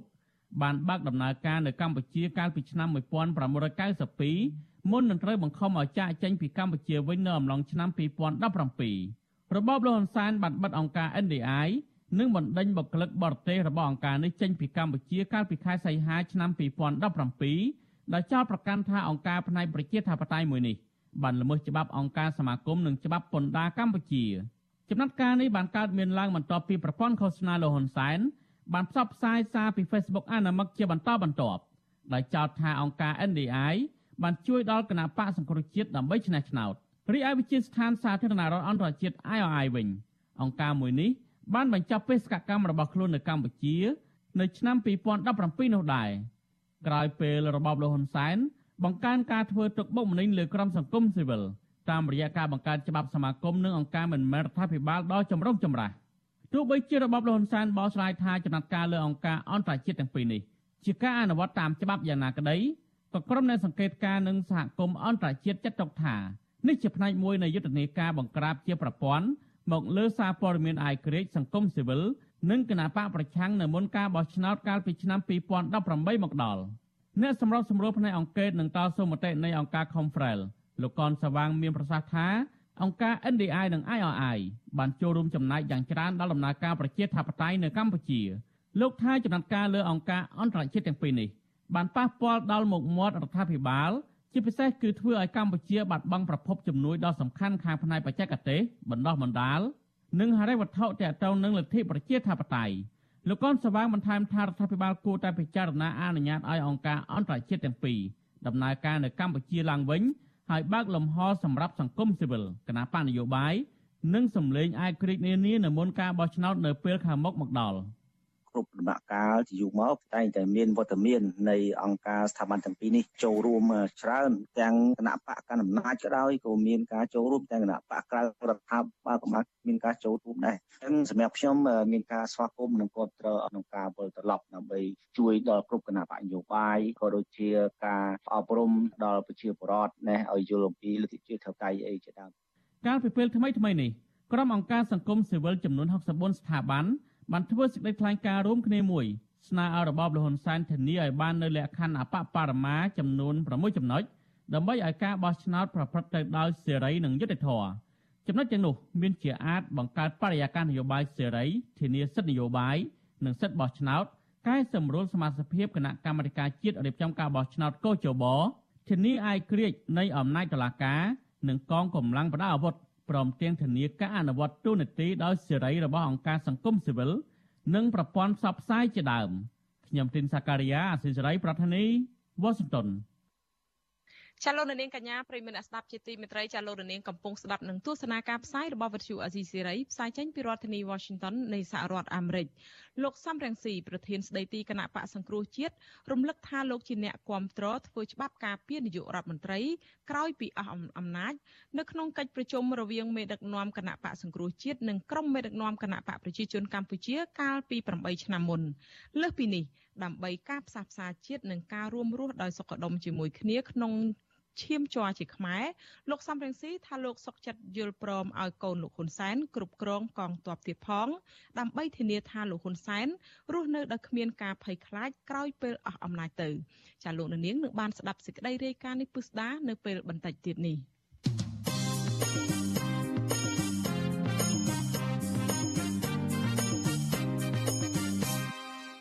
ចាលោកនាងកញ្ញាប្រិមមអ្នកស្ដាប់ជាទីមេត្រីងាកមកសក្តីរាយការណ៍តាក់ទងទៅនឹងបញ្ហាវិវាទដីធ្លីវិញម្ដងក្រុមអង្គការសង្គមស៊ីវិលដែលតាមដានវិវាទដីធ្លីរវាងក្រុមហ៊ុន OCIC និងប្រជាពលរដ្ឋរស់នៅតំបន់អភិវឌ្ឍប្រលានយន្តហោះអន្តរជាតិភ្នំពេញថ្មីស្នើសុំអាជ្ញាធរខេត្តកណ្ដាលដោះស្រាយបញ្ចប់ទំនាស់នេះដោយសន្តិវិធី និងឈលលើគោលការណ៍ច្បាប់ក្នុងការផ្ដល់សំណងសមរម្យជូនពលរដ្ឋ ចំណែកអាជ្ញាធរវិញនៅតែអះអាងដដែលដដែលថារដ្ឋាភិបាលមិនមានគោលនយោបាយថ្មីចំពោះវិវាទនេះទេក្រៅពីជំរើសដែលបានផ្ដល់ជូនប្រជាពលរដ្ឋនាពេលកន្លងមកគឺលក់ដីឲ្យក្រុមហ៊ុនក្នុង1ម៉ែត្រការ៉េចំនួន8ដុល្លារឬដោះដូរទៅទីតាំងផ្សេងនោះចាសសូមអញ្ជើញលោកនាងស្ដាប់សេចក្តីរាយការណ៍របស់លោកជាតិចំណានអំពីរឿងនេះសមាគមសហជីពនិងអង្គការសង្គមស៊ីវិលជាង30ស្ថាប័នបានចេញសេចក្តីថ្លែងការណ៍រួមគ្នាមួយ ដោយបង្ហាញក្តីបារម្ភជុំវិញទំនាស់ដីធ្លីរវាងពលរដ្ឋម្ចាស់ដីជាមួយនឹងក្រុមហ៊ុន OCIC របស់អង្គការពងខៀវសែដែលទទួលបានសិទ្ធិអភិវឌ្ឍគម្រោងពលានយន្តហោះអន្តរជាតិភ្នំពេញថ្មីនៅលើផ្ទៃដីទំហំជិត3000ហិកតាក្នុងខេត្តកណ្ដាលក្នុងលិខិតនោះក្រុមអង្គការសង្គមស៊ីវិលលើកឡើងអំពីការប៉ះពាល់ដោយហិង្សាក្នុងទ្រង់ទ្រាយធំរវាងកម្លាំងសមត្ថកិច្ចនិងប្រជាពលរដ្ឋកាលពីពេលកន្លងមកដែលមានការចាប់ខ្លួនពលរដ្ឋ30នាក់ហើយមនុស្ស9នាក់ ត្រូវបានតុលាការដាក់ឲ្យជាប់ឃុំក្នុងពន្ធនាគារក្រោយមកក៏មានការដោះលែងពលរដ្ឋទាំងនោះឲ្យនៅក្រៅឃុំបណ្ដោះអាសន្នតែស្ថិតក្រោមការត្រួតពិនិត្យតាមផ្លូវតុលាការសង្គមស៊ីវិលមិនជំទាស់នឹងការអភិវឌ្ឍពលានយន្តហោះថ្មីនោះទេប៉ុន្តែស្នើឲ្យស្ថាប័នរដ្ឋនិងភាគីក្រុមហ៊ុនផ្ដល់សំណងជូនពលរដ្ឋម្ចាស់ដីឲ្យបានសមរម្យទៅតាមតម្លៃទីផ្សារជៀសវាងនឹងការព្រមព្រៀងគ្នាណាមួយដែលមានការបង្ខិតបង្ខំនិងរក្សាឲ្យមានការគោរពសិទ្ធិមនុស្សពីគ្រប់ភាគី នាយករងទទួលបន្ទុកផ្នែកខ្លំមើលសិទ្ធិមនុស្សនៃអង្គការលីកាដូលោកអមសំអាតយល់ថាអាញាធររដ្ឋនិងភាគីក្រុមហ៊ុនគួរតែដោះស្រាយបញ្ចប់ទំនាស់ដីធ្លីរ៉ាំរ៉ៃមួយនេះជាមួយនឹងពលរដ្ឋដោយសន្តិវិធីដំឡាភាពយុត្តិធម៌និងផ្ដល់សំណងតាមច្បាប់ដែលមានចែង។ យើងចង់ឃើញមានដំណោះស្រាយមួយសមស្របអន័យថាដំណាភាពយុត្តិធម៌សម្រាប់ប្រជាពលរដ្ឋដែលក៏រងផលប៉ះពាល់ដោយសារការអភិវឌ្ឍពលានយន្តហោះពីព្រោះការអភិវឌ្ឍគឺក្រុមហ៊ុនចង់បាន ផលប្រយោជន៍និងផលចំណេញរបស់ក្រុមហ៊ុនអញ្ចឹងប្រជាពលរដ្ឋដែលរងផលប៉ះពាល់ហ្នឹងគួរតែទទួលបាននៅដំណោះស្រាយនិងផលប្រយោជន៍សមរម្យស្របទៅតាមគោលការណ៍នៃការអភិវឌ្ឍទាំងបាទ មាត្រា22នៃច្បាប់អាសាមកចែងថាប្រាក់សំណងដែលត្រូវផ្ដល់ឲ្យម្ចាស់អចលនវត្ថុត្រូវបានគិតតាមតម្លៃទីផ្សារឬថ្លៃចំនួននៃការបរិច្ឆេទនៃការចេញសេចក្តីប្រកាសស្តីអំពីគម្រោងអាសាមកបន្ថែមលើនេះមាត្រា44នៃរដ្ឋធម្មនុញ្ញនៃប្រជាជាតិកម្ពុជាចែងថាកម្មសិទ្ធិឯកជនស្របច្បាប់ស្ថិតក្រោមការគាំពៀនៃច្បាប់ហើយដែលនឹងដកហូតសិទ្ធិពីជនណាមួយនោះលុះត្រាតែប្រយោជន៍សាធារណៈ ត្រូវបានធ្វើឡើងក្នុងករណីដែលច្បាប់បានបញ្ញត្តិទុកហើយត្រូវផ្ដល់សំណងជាមុនដោយសមរម្យនិងយុត្តិធម៌តកតងនឹងសំណងនេះអញ្ញាធរអះអាងថារដ្ឋាភិបាលមិនមានគោលនយោបាយថ្មីដោះស្រាយវិវាទនេះទេក្រៅពីជំរើសដូចដែលបានផ្ដល់ជូនពលរដ្ឋកន្លងមកគឺពលរដ្ឋអាចលក់ដីឲ្យក្រុមហ៊ុនក្នុង1ម៉ែត្រការ៉េតម្លៃ8ដុល្លារឬដោះដូរដីនៅទីតាំងផ្សេងអភិបាលខេត្តកណ្ដាលលោកកុងសុផាន់ប្រាប់វិសុអេស៊ីសរ៉ៃនៅថ្ងៃទី22ខែកញ្ញាថាការកំណត់តម្លៃដី1ម៉ែត្រការ៉េ8ដុល្លារនោះ គឺផ្អែកទៅតាមការវិតម្លៃមុនគម្រោងពលានយន្តហោះថ្មីចាប់ផ្ដើមសាងសង់លោកទទួលស្គាល់ថាតម្លៃដីនេះធ្វើឲ្យពលរដ្ឋមួយចំនួនមិនព្រមទទួលយកហើយបន្តការតវ៉ារហូតមកដល់ពេលបច្ចុប្បន្នអភិបាលខេត្តរូបនេះស្នើឲ្យពលរដ្ឋចូលរួមអភិវឌ្ឍគម្រោងនេះទាំងអស់គ្នាដើម្បីបានប្រយោជន៍ទៅថ្ងៃអនាគត គោលការណ៍ដែលដល់ឲ្យនោះមុនការសាងសង់ពលាន8ដុល្លារក្នុង1ម៉ែត្រការ៉េប៉ុន្តែការមិនទាន់ទទួលយកវាអូសបន្លាយពេលហើយដីក៏វាប្រែប្រួលខ្លះហើយគឺពីរការដូរដីការដូរដីមហត្តាទល់នឹងមហត្តាវិញ ដែលខុសទីតាំងដែលរដ្ឋកំពុងតែចាំបាច់ណាស់ការកសាងពលានដើម្បីអភិវឌ្ឍសក្តានុពលទូទាំងប្រទេសហើយក្នុងនោះក៏ដូរដីមហត្តាជាងដែលវាឆ្ងាយពីទីតាំងដែលស្រុករបស់គោលដៅដីរបស់គាត់បន្តិចហ្នឹងវាមានគោលការណ៍អញ្ចឹងណាហើយជាការដែលឡើងអីយ៉ាងណានោះគឺថាដូចជាមិនដែលមានគោលការណ៍ណាមួយថ្មីទេចំនួនដីធ្លីរវាងក្រុមហ៊ុន OCIC របស់អង្គការពងខៀវសែជាមួយនឹងប្រជាពលរដ្ឋសរុបជាង300គ្រួសារនៅក្នុងស្រុកកណ្ដាលស្ទឹងខេត្តកណ្ដាល បានអូសបន្លាយជាង3ឆ្នាំមកហើយដោយពលរដ្ឋមិនព្រមទទួលយកសំណងដែលអាជ្ញាធរផ្ដល់ឲ្យចន្លោះពី3ដុល្លារទៅ8ដុល្លារក្នុង1ម៉ែត្រការ៉េក្រុមហ៊ុនសាជីវកម្មវិនិយោគក្រៅប្រទេសហៅកាត់ថា OCIC របស់អង្គការពងខៀវសែដែលជាអ្នកជំនួញស្និទ្ធនឹងលោកនាយករដ្ឋមន្ត្រីហ៊ុនសែនទទួលបានសិទ្ធិសាងសង់ពលានយន្តហោះខ្នាតអន្តរជាតិមួយនៅទីនោះតាមគម្រោងក្រុមហ៊ុននឹងសាងសង់រួចរាល់នៅឆ្នាំ2023ពលានយន្តហោះថ្មីនេះវិនិយោគក្នុងទឹកប្រាក់ប្រមាណជាង1000លានដុល្លារ ស្ថិតនៅលើផ្ទៃដីជិត3000ហិកតាទោះបីជាយ៉ាងណាក្រុមអង្គការសង្គមស៊ីវិលស្នើឲ្យមានការជួបចរចាគ្នាពីគ្រប់ភាគីដើម្បីដោះស្រាយវិវាទនេះដោយអហិង្សា និងឈលលើគោលការណ៍ច្បាប់ដើម្បីធានាដល់សិទ្ធិម្ចាស់ដីនិងសំណងសមរម្យដល់សហគមន៍ដែលរងផលប៉ះពាល់ពីគម្រោងអភិវឌ្ឍន៍នេះខ្ញុំបាទជាចំណាន Visual Assisray ពីរដ្ឋធានី Washington ចាលោកនាងកញ្ញាប្រិយមិត្តអ្នកស្ដាប់ជាទីមេត្រីចាតកតងទៅនឹងសេចក្តីរាយការណ៍របស់លោកជាតិចំណាននេះដែរយើងមានសម្ភារផ្ទាល់មួយតកតងទៅនឹងបញ្ហានេះជាមួយអ្នកសម្របសម្រួលគម្រោងធុរកិច្ចនិងសិទ្ធិមនុស្សនៃមជ្ឈមណ្ឌលសិទ្ធិមនុស្សកម្ពុជាគឺលោកវ៉ាន់សុផាតដែលលោកចូលសម្ភារជាមួយយើងផ្ទាល់នៅពេលនេះតាមប្រព័ន្ធវីដេអូ Skype ចាជំរាបសួរលោកវ៉ាន់សុផាតចាបាទជំរាបសួរ ចាលោកវ៉ាន់សុផាតដោយដែលសេចក្តីរាយការណ៍របស់លោកជាតិចំណានអំបញ្ញមិញនេះនឹងគឺថាក្រុមអង្គការសង្គមស៊ីវិលសហគមន៍ដីធ្លីនឹងប្រមាណជាង30ឯណោះដែលជួបប្រជុំគ្នាចេញជាសេចក្តីថ្លែងការណ៍រួមនឹងជំរុញឲ្យមានការដោះស្រាយបញ្ហាវិវាទដីធ្លីនេះជូនប្រជាពលរដ្ឋយើងឃើញថាដំណាក់កាលចុងក្រោយនេះគឺដោយដែលសេចក្តីរាយការណ៍អំបញ្ញមិញអញ្ចឹង ប្រជាពលរដ្ឋដែលមានដំណោះដីធ្លីនៅជាមួយក្រុមហ៊ុនហ្នឹងគឺឈានទៅដល់ការចាប់ខ្លួន ហើយអាជ្ញាធរក៏បានដោះលែងគាត់មកវិញប៉ុន្តែតុលាការបានដាក់ឲ្យគាត់ស្ថិតនៅក្រោមការត្រួតពិនិត្យនិងឃ្លាំមើលរបស់សមត្ថកិច្ចអីចឹងជាដើម ហើយបញ្ហាដើមចមនោះគឺរឿងគាត់ទៅតវ៉ាដីធ្លីតើលោកវ៉ាន់សុផាតក្នុងនាមជាមន្ត្រីសិទ្ធិដោះស្រាយសិទ្ធិដីធ្លីនេះខាងផ្នែកសិទ្ធិមនុស្សនេះលោកយល់ឃើញយ៉ាងម៉េចដែរចំពោះស្ថានភាពដំណាក់កាលដែលប្រជាប្រដ្ឋក្នុងពេលនេះគួរតែគាត់ទទួលបានការដោះស្រាយឬក៏គាត់ត្រូវតែនៅជាប់សម្ពាធរឿងច្បាប់ទម្លាប់នោះចា៎បាទអរគុណចំពោះសំណួរនេះអឺយើងដឹងស្រាប់ទាំងអស់គ្នាហើយថាបច្ចុប្បន្ននេះប្រជាពលរដ្ឋកំពុងតែមានការភ័យខ្លាចបាទមានភ័យការមានការភ័យខ្លាចមែនទែនបន្ទាប់ពីត្រូវបានដោះលែងឲ្យនៅក្រៅគុំបណ្ដោះអាសន្ននិងក្រោមការត្រួតពិនិត្យតាមផ្លូវតុលាការនេះអឺ ក៏ប៉ុន្តែទោះបីយ៉ាងណាក៏ដោយក្នុងអារម្មណ៍របស់ពួកគាត់ក៏គិតថាវាអយុត្តិធម៌សម្រាប់ការដាក់សម្ពាធឲ្យគាត់ទទួលយកសំណង8ដុល្លារប្រៀបធៀបនឹងតម្លៃទីផ្សាររហូតដល់80រហូតដល់ជាង100ដុល្លារហ្នឹងគឺគាត់នៅមានការសោកស្ដាយអឺប៉ុន្តែវាជាការអស់ជំរឿដោយសារតែសម្ពាធពីខាងអរិញអាជ្ញាធររួមទាំងអរិញប្រព័ន្ធតឡាការផង ចឹងបង្ខំចិត្តឲ្យពួកគាត់នឹងត្រូវតែធ្វើកិច្ចសន្យាក្នុងការទទួលយកសំណងពីដែលកំណត់ដោយក្រុមហ៊ុន និងអាជ្ញាធរប៉ុន្តែ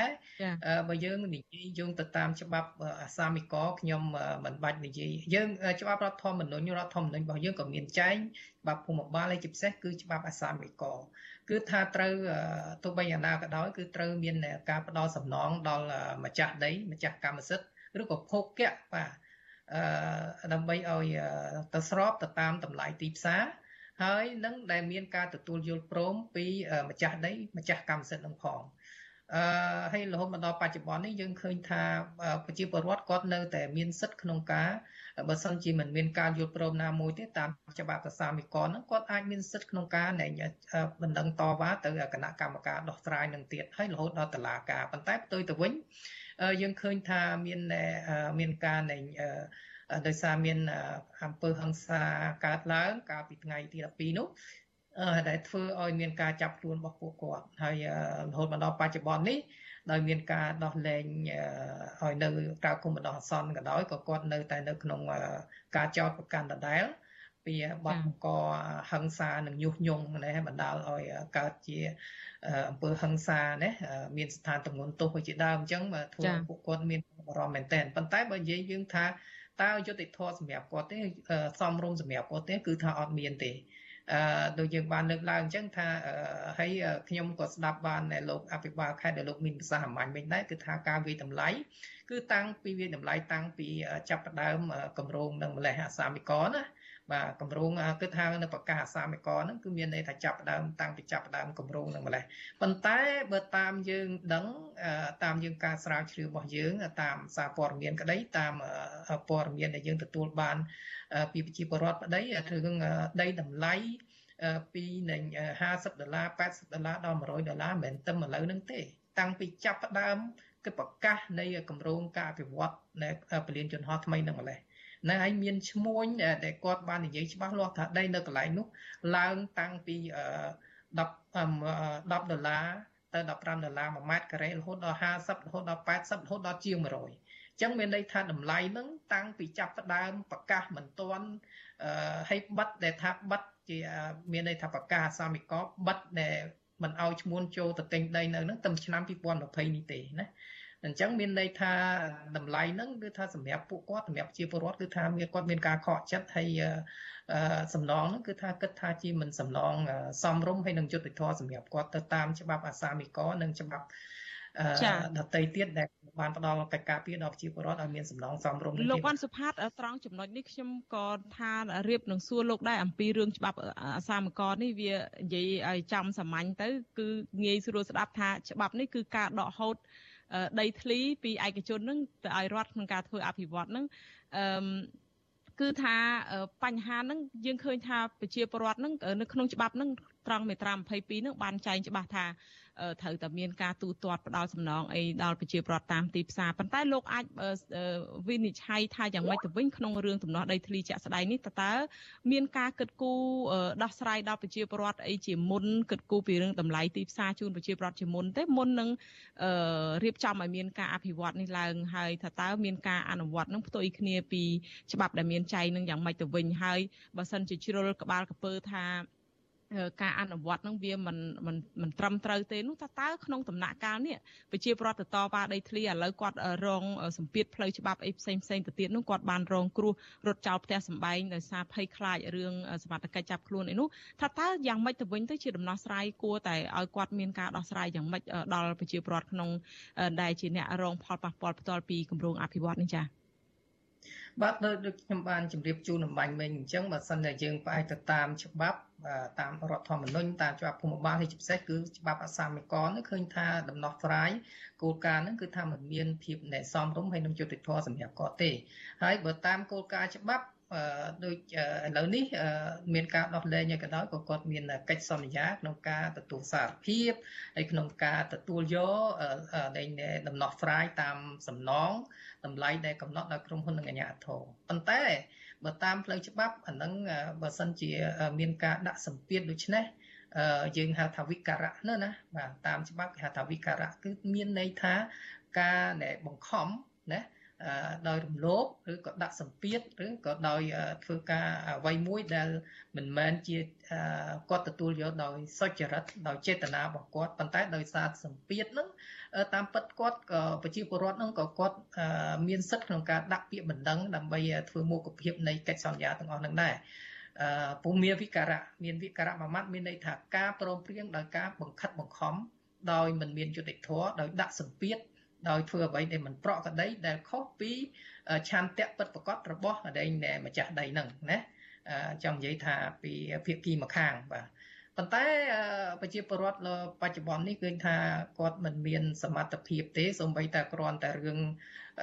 ដែលគេចោទប្រកាន់គាត់ ដែលចាប់ដាក់តឡាការហើយដោះលែងមកវិញហ្នឹងក៏គាត់មិនទាន់មានលទ្ធភាពថារអ្នកតំណាងផ្នែកច្បាប់ឲ្យគាត់នៅការពីរឿងក្តីនឹងតទៅទៀតបានថាយ៉ាងម៉េចផងហើយការដែលដាក់ពាក្យបណ្ដឹងអីហ្នឹងគឺថាត្រូវការចំណាយធនធានបាទហើយនឹងចំណាយពេលវេលាដូច្នេះនេះបើតាមគោលការណ៍ច្បាប់គាត់មានសិទ្ធិណាការព្រោះ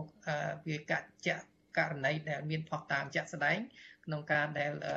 ដាក់សម្ពាធឲ្យពួកគាត់ដើម្បីទទួលយកសំណងនេះណាហើយនឹងដាក់សម្ពាធឲ្យមិនត្រឹមតែប៉ុណ្្នឹងទេមានការប្រមូលជាទ្រព្យសម្បត្តិរបស់គាត់ដូចជាម៉ូតូដូចជាស្អីហ្នឹងរហូតដល់បច្ចុប្បន្នហ្នឹងគាត់មិនទាន់ទៅយកបានវិញទេដោយសារតែមាននីតិវិធីវែងឆ្ងាយអញ្ចឹងហើយមានទ្រព្យសម្បត្តិមួយចំនួនក្នុងពេលដែលមានការនៃប៉ះទង្គិចគ្នានោះត្រូវបានសមត្ថកិច្ចដកហូត ហើយរហូតដល់បច្ចុប្បន្នមានពួកគាត់មួយចំនួនហ្នឹងបានកិច្ចខ្លួនរហូតដល់មិនហ៊ានចូលផ្ទះរហូតដល់គាត់មានការក្រែងរឯងខ្លាចរអាមែនតើហើយពិសេសគឺខ្លាចតឡាការអនុវត្តនៅលក្ខខណ្ឌដែលដាក់សម្ពាធមកលើគាត់ថានៅស្ថិតក្រោមការត្រួតមិត្តរបស់តឡាការហ្នឹងគាត់មានលក្ខខណ្ឌអីអញ្ចឹងគាត់ មានការនៃខ្លាចរអាមែនតើណារហូតមកដល់បច្ចុប្បន្ននេះហើយអារម្មណ៍របស់ជីវរដ្ឋថាពេលហ្នឹងវាហាក់បីដូចជាមានការដូចជាសមរភូមិមួយដែលគាត់ជាអ្នកចាញ់នៅក្នុងសមរភូមិមួយដែលដូចជាមិនមែនជាប្រជាពលរដ្ឋដែលត្រូវបានការពារដោយរដ្ឋធម្មនុញ្ញហើយដោយរដ្ឋរបស់យើងអញ្ចឹងហើយដូច្នេះហើយបានជាយើងក្នុងនាមអង្គការសង្គមស៊ីវិលយើងសូមអំពាវនាវដល់ រដ្ឋាភិបាលក៏ដូចជាស្ថាប័នមានសមត្ថកិច្ចហើយនឹងក៏តឡាការផងដែរបើសិនជាអាចពិចារណាបាន គឺជាពិសេសសូមឲ្យទម្លាក់ការចោតប្រកាន់ពួកគាត់ហើយឲ្យគាត់មករស់នៅជួបជុំគ្រួសារបានសុខសាន្តវិញ ហើយនឹងឲ្យនៃខាងក្រុមហ៊ុនជាពិសេសធុរកិច្ចណាក្រុមហ៊ុនដូចលោកបានលោករនឹងរចំណេញបានរាប់ពាន់លានដុល្លារប៉ុន្តែបើកលេចមើលដល់ប្រជាពលរដ្ឋនេះដែលកំពុងតែវេទនានេះសួរថាតើគាត់រស់នៅរបៀបណាហើយយើងនិយាយវិញថាបច្ចុប្បន្នក្នុងកំឡុងពេល COVID-19 នេះទៀតផ្ទះនិងដីគឺជាមូលដ្ឋាន ទី1មានន័យថាបើនិយាយពីខ្សែត្រៀមខ្សែត្រៀមទី1ហើយសម្រាប់គាត់ទប់ទល់ក្នុងការជំងឺជំងឺឆ្លង COVID-19 ទៅតាមគោលការណ៍របស់រដ្ឋាភិបាលក៏ដូចជាក្រសួងសុខាភិបាលដែរចឹងសត្វតកន្លែងនេះជាចំណុចសំខាន់សំខាន់ដែលរដ្ឋាភិបាលក៏ដូចជាក្រមហ៊ុនហើយនិងអាជ្ញាធរពាក់ព័ន្ធនិងស្ថាប័នមានសមត្ថកិច្ចគួរតែពិចារណាផ្ដល់ឱកាសឲ្យគាត់ហើយផ្ដល់ជាដំណោះស្រាយដោយសន្តិវិធី និងសមរម្យដែលពួកគាត់អាចទទួលយកបានបាទ ចាចានេះខ្ញុំសូមអរគុណច្រើនលោកវ៉ាន់សុផាតដែលលោកបានចូលខ្លួនមកបកស្រាយបន្ថែមលើសេចក្តីរាយការណ៍ដែលយើងមាននេះហើយលោកបានវែកញែកលើចំណុចការអនុវត្តច្បាប់អាសាមិកហើយនឹងស្មារតីរបស់ខាងសង្គមស៊ីវិលដែលជំរុញសុំឲ្យមានការដោះស្រាយជូនដល់ប្រជាពលរដ្ឋដែលមានវិវាទដីធ្លីជាមួយក្រុមហ៊ុនប្រលានសាងសង់ប្រលានយន្តហោះថ្មី OCIC នេះចាសូមអរគុណលោកវ៉ាន់សុផាតជាមន្ត្រីមជ្ឈមណ្ឌលសិទ្ធិមនុស្សកម្ពុជានៅពេលនេះនិងសូមជម្រាបលាលោកត្រឹមប៉ុណ្ណេះសិនចា បាទជម្រាបលាបាទសូម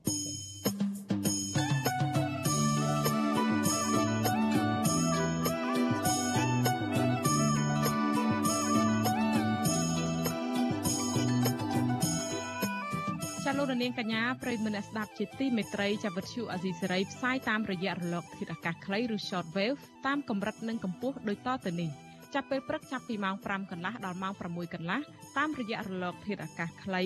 13715 kHz ស្មើនឹងកម្ពស់ 22m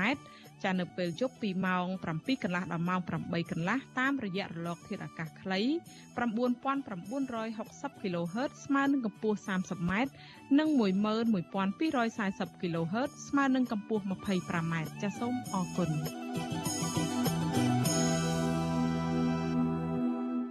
ចាលោករនាងកញ្ញាប្រិមមអ្នកស្ដាប់ជាទីមេត្រីចាងាកមកសក្តីរាយការណ៍នៅឯខេត្តមណ្ឌលគិរីរតនគិរីឯនោះវិញចាជនជាដើមភៀកតិចភ្នងជិត100គ្រួសារអំពាវនាវឲ្យតុលាការខេត្តមណ្ឌលគិរីពន្យាចាត់វិធានការតាមច្បាប់លើអតីតមេដឹកនាំមេ PM ខេត្តរតនគិរីមួយរូបគឺលោកកឹមរស្មីនិងប៉ាពួក គឺករណីដុតបំផ្លាញផ្ទះរបស់ប្រជាពលរដ្ឋនៅក្នុងសហគមន៍ចំនួន2ខ្នងនិងរំលោភយកដីសមូហភាពពីប្រជាពលរដ្ឋអស់ជិត10ហិកតាចាសសូមអញ្ជើញលោកនាងស្ដាប់សេចក្តីរាយការណ៍នេះដោយអ្នកស្រីម៉ៅសុធីនីតំណាងជនជាតិដើមភាគតិចភ្នំជិត100គ្រួសាររស់នៅក្នុងភូមិពូឡុងសង្កាត់រុំមនីក្រុងសែនមនោរមគឺលោកស្រីងិនច័ន្ទណាឲ្យដឹងនៅថ្ងៃទី22ខែកញ្ញា ថាលោកស្រីបានចូលខ្លួនឆ្លៃបំភ្លឺនៅស្ថាប័នអាយកាអមសាលាដំបងខេត្តមណ្ឌលគិរីរួចហើយក្នុងនាមជាដើមបណ្ដឹង កាលពីរុស្ស៊ីថ្ងៃទី21ខែកញ្ញាប៉ុន្តែក្នុងសវនាការនោះលោកស្រីមិនបានឃើញវត្តមានអតីតមេ PM ខេត្តរតនគិរី លោកកឹមរស្មីនៅឡើយចាលោកស្រីថ្លែងនៅចំពោះមុខតំណាងអាយកាថាអ្នកភូមិមានភ័ស្តុតាងនិងវីដេអូច្បាស់លាស់ដោយបញ្ជាក់ ថាលោកកឹមរស្មីបានដុតកំទេចផ្ទះប្រជាសហគមន៍ពីខ្នង និងដកបង្គោលរបង ជាង250បង្គោលកាលពីខែវិច្ឆិកាឆ្នាំ2020ចាលោកស្រីបន្ថែមថាដីសមូហភាពសហគមន៍ទាំងនោះស្ថិតនៅចំណុចភ្នំពពែលមានទំហំជិត10ហិកតា ដែលជាដីសាធារណៈរបស់រដ្ឋត្រូវបានលោកកឹមរស្មីទិញដោយខុសច្បាប់ហើយបច្ចុប្បន្នអតីតមេ PM រូបនេះកំពុងសង់សំណង់រឹងនិងធ្វើរបងហុំព័ទ្ធហាមមិនឲ្យសហគមន៍ចេញចូលតំបន់នោះជាច្រើនខែមកហើយចាមានគេដឹកផ្ទះឲ្យឈប់ឆាយផ្ទះអីក្នុងអីពួកខ្ញុំដីកន្លែងដីពួកខ្ញុំអញ្ចឹងណាមានអាត្រាក់មានអីអញ្ចឹងណាគេឈូផ្ទះបើកុំរស្មីនឹងពីខ្នងអញ្ចឹងណាហើយពួកខ្ញុំខំធ្វើផ្ទះធ្វើ លបងអីចំវិញហ្នឹងហើយគម្រោងរបស់ពួកខ្ញុំអត់ចង់ឲ្យបាត់បង់ទេចង់ឲ្យទុកកន្លែងដីហ្នឹងរក្សាតកូនតចៅចាស្ត្រីដដែលបន្ថែមថាក្នុងពេលដែលវិជាសហគមន៍ស្វែងរកកិច្ចអន្តរាគមន៍និងដាក់បណ្ដឹងទៅស្ថាប័នអាយកាលោកគឹមរស្មី នៅតែបន្តសាងសង់សំណង់រឹងនៅតំបន់ដីមានចំនួននោះរីឯអាជ្ញាធរខេត្តមណ្ឌលគិរីមិនបានដោះស្រាយក្តីកង្វល់របស់ប្រជាពលរដ្ឋនោះឡើយ។ ចាលោកស្រីបញ្ជាក់ថាប្រជាសហគមន៍ទាមទារឲ្យតឡាការដកហូតដីពីលោកកំរៈថ្មីទាំងនោះមកវិញ និងត្រូវសងការខូចខាតទ្រព្យសម្បត្តិរួមរបស់សហគមន៍ គាត់ជួយពន្លឿនឲ្យពួកខ្ញុំបន្តិចផងឲ្យគាត់ធ្វើផ្ទះធ្វើអីសំឡងរឹងលំពេញដីនឹងមកហើយឥឡូវហ្នឹងឲ្យគុំតឡាការជួយរកយុទ្ធធរផ្ដាំទៀតទៅហើយនឹងជួយអន្តរាគមឲ្យពួកខ្ញុំឲ្យពន្លឿនបន្តិចព្រោះអីគាត់នឹងអត់ដែលមកសួរនាំអីជួយប្រាប់អីពួកខ្ញុំទេហើយបើពួកខ្ញុំទៅចូលនៅកន្លែងដីហ្នឹងគឺគាត់អត់ឲ្យពួកខ្ញុំចូលទេគឺដាច់ខាតហ្មង ជាវត្ថុអសីស្រីបានព្យាយាមតាក់ទងអតីតមេ PM ខេត្តរតនគិរីលោកកឹមរស្មី ដើម្បីសុំការបំភ្លឺជំវិញពាក្យបណ្ដឹងនេះក៏ប៉ុន្តែអ្នកលើកទូរស័ព្ទនិយាយថាច្រឡំលេខរីឯអ្នកនាំពាក្យអាយកាអមសាលាដំបងខេត្តមណ្ឌលគិរីលោកមុំបណ្ដាក៏មិនអាចតាក់ទងបានដែរដោយទូរស័ព្ទហៅចូលតែគ្មានអ្នកទទួល នៅថ្ងៃទី22ខែកញ្ញា តំណាងសហគមន៍ប្រាប់ថាកន្លងទៅ មានបរិវត្ត3នាក់បានខົບខិតគ្នាលក់ដីសមូហភាពរបស់អ្នកភូមិជិត10ហិកតាទៅឲ្យលោកកឹមរស្មីដែលខុសច្បាប់ព្រោះដីនៅតំបន់នោះគឺជាដីសាធារណៈរបស់រដ្ឋដែលជនជាតិដើមភាគតិចអាស្រ័យផលរួមគ្នាជាលក្ខណៈប្រពៃណីគ្វាគោក្របីសែនព្រេនតាំងពីដូនតាមកលើពីនេះដីភ្នំទាំងនោះ គឺជាឆ្នាំងបាយរបស់អ្នកភូមិរាប់រយគ្រួសារផ្ដល់ប្រយោជន៍ធំធេង ដែលប្រជាសហគមន៍ចង់អភិវឌ្ឍនៅទីនោះ ជាភូមិវប្បធម៌និងជាកន្លែងគ្រូបូជាបែបប្រពៃណីជនជាតិដើមភាគតិចភ្នំចាជំវិញរឿងនេះមន្ត្រីពង្រឹងសិទ្ធិអំណាចសហគមន៍មូលដ្ឋាននៃសមាគមអាត6លោកប៉ែនបណ្ណាបញ្ជាថាការបំផ្លិចបំផ្លាញទ្រព្យសម្បត្តិអ្នកដទៃគឺជាទង្វើល្មើសច្បាប់ហើយដែលទាមទារឲ្យស្ថាប័នអាយកាចាត់វិធានការច្បាប់ និងស៊ើបអង្កេតពីឫសគល់នៃការទិញលក់ដីសាធារណៈរបស់រដ្ឋឲ្យបានគ្រប់ជ្រុងជ្រោយដើម្បីធានាថាជនគ្រប់រូបត្រូវអនុវត្តច្បាប់ដោយស្មើភាពចាលោកបញ្ជាក់ថាដីសាធារណៈរបស់រដ្ឋពុំមានបុគ្គលណាធ្វើប្លង់និងផ្ទេរសិទ្ធិឬក៏ទិញលក់បាននោះទេហេតុនេះតុលាការត្រូវតែសាររើពីភាពមិនប្រក្រតីនៃការទិញលក់ដីនៅតំបន់នោះសិនជាឈូស ដោយមិនមានការអនុញ្ញាតពីម្ចាស់ទ្រព្យនិងហើយពីមិនមានការសម្រេចពីតុលាការទេវាជាសកម្មភាពល្មើសហើយដែលត្រូវផ្ដន់ទាទោសមានទោសអញ្ចឹងណាបាទបាទគំនិតថ្មីដែលលោកទៅភូដកសង់ផ្ទះសង់ឯទៀតអញ្ចឹងណាបាទអញ្ចឹងបើមួយថ្ងៃក្រោយទៅរងឃើញថាលោកធ្វើនឹងជាការធាមើលច្បាប់ហើយដីនឹងជន់វាជាដីរដ្ឋវានៅតែដីរដ្ឋដដែលមួយទៀតគឺបាត់ល្មើសក្រាត់កាយភ្នំកាប់ព្រានដីព្រៃនៅតំបន់នៅកន្លែងដែលដែលគាត់ទិញពីគេនោះបាទ ចាស់កាលពីចុងឆ្នាំ2020ជនជាតិដើមភាគតិចភ្នងជិត300គ្រួសារបានផ្តិតមេដាយរួមគ្នាស្នើឲ្យអភិបាលក្រុងសាន់មនោរមទប់ស្កាត់ការទិញលក់ដីភ្នំដែលជាទ្រព្យសម្បត្តិសាធារណៈរបស់រដ្ឋខុសច្បាប់ ចាសំណើនេះធ្វើឡើងក្រោយពីពួកគេរកឃើញថាមានភ្នំចំនួន3និងអូមួយដែលស្ថិតនៅក្នុងភូមិពូលុងត្រូវបុគ្គលមានអំណាច រំលោភបំពានទាំងស្រុងដែលក្នុងនោះ មានមួយផ្នែកជាប់ពាក់ព័ន្ធនឹងលោកកឹមរស្មីកាលពីចុងឆ្នាំ2019លោកនាយករដ្ឋមន្ត្រីហ៊ុនសែនបានបញ្ជាឲ្យលុបឈ្មោះលោកកឹមរស្មីចេញពីក្របខ័ណ្ឌនៃកងយុទ្ធពលខេមរៈភូមិន្ទ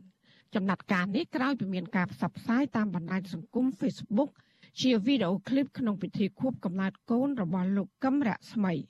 ក្នុងវីដេអូខួបកំណើតនោះលោកកឹមរស្មីបានចែកលុយឲ្យកូនកូនចំនួន5នាក់ដោយក្នុងម្នាក់ម្នាក់ទទួលបាន100000ដុល្លារសរុបទាំងអស់កន្លះលានដុល្លារអាមេរិក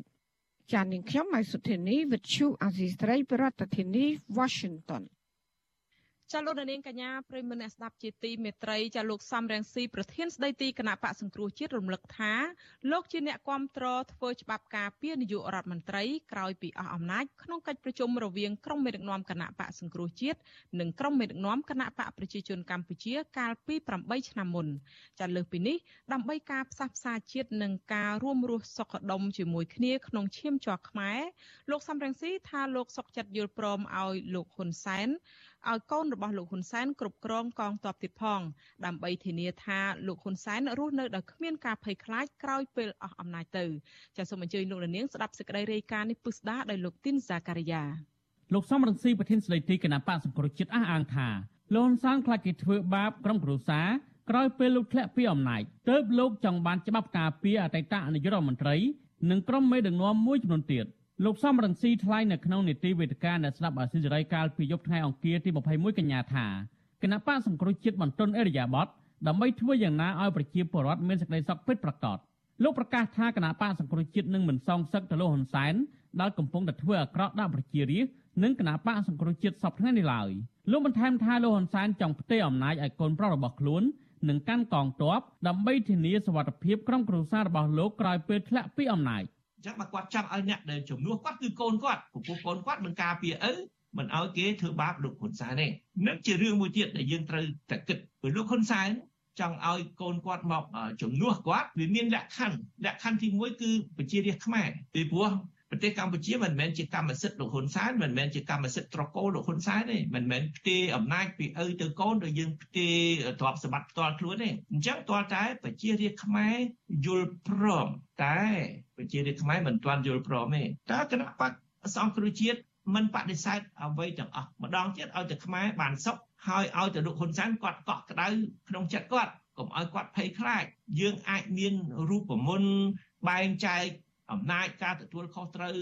ឲ្យលោកហ៊ុនម៉ាណែតកាន់កងទ័ពមានកងប្រដាប់កម្លាំងប្រដាប់អាវុធដើម្បីការពារលោកហ៊ុនសែនឲ្យលោកហ៊ុនសែនកក់ក្ដៅនោះក៏យើងមិនបដិសេធដែរការលើកឡើងរបស់លោកសំរងស៊ីនេះជាការឆ្លើយតបទៅលោកហ៊ុនសែនដែលបបួលលោកស្បត់កាលពីពេលថ្មីថ្មីនេះលោកហ៊ុនសែនអះអាងថាលោកមិនបានស្នើឲ្យលោកសំរងស៊ីធ្វើច្បាប់ការពារអតីតនាយករដ្ឋមន្ត្រីប្រធានសភានិងប្រសិទ្ធភាពនោះទេ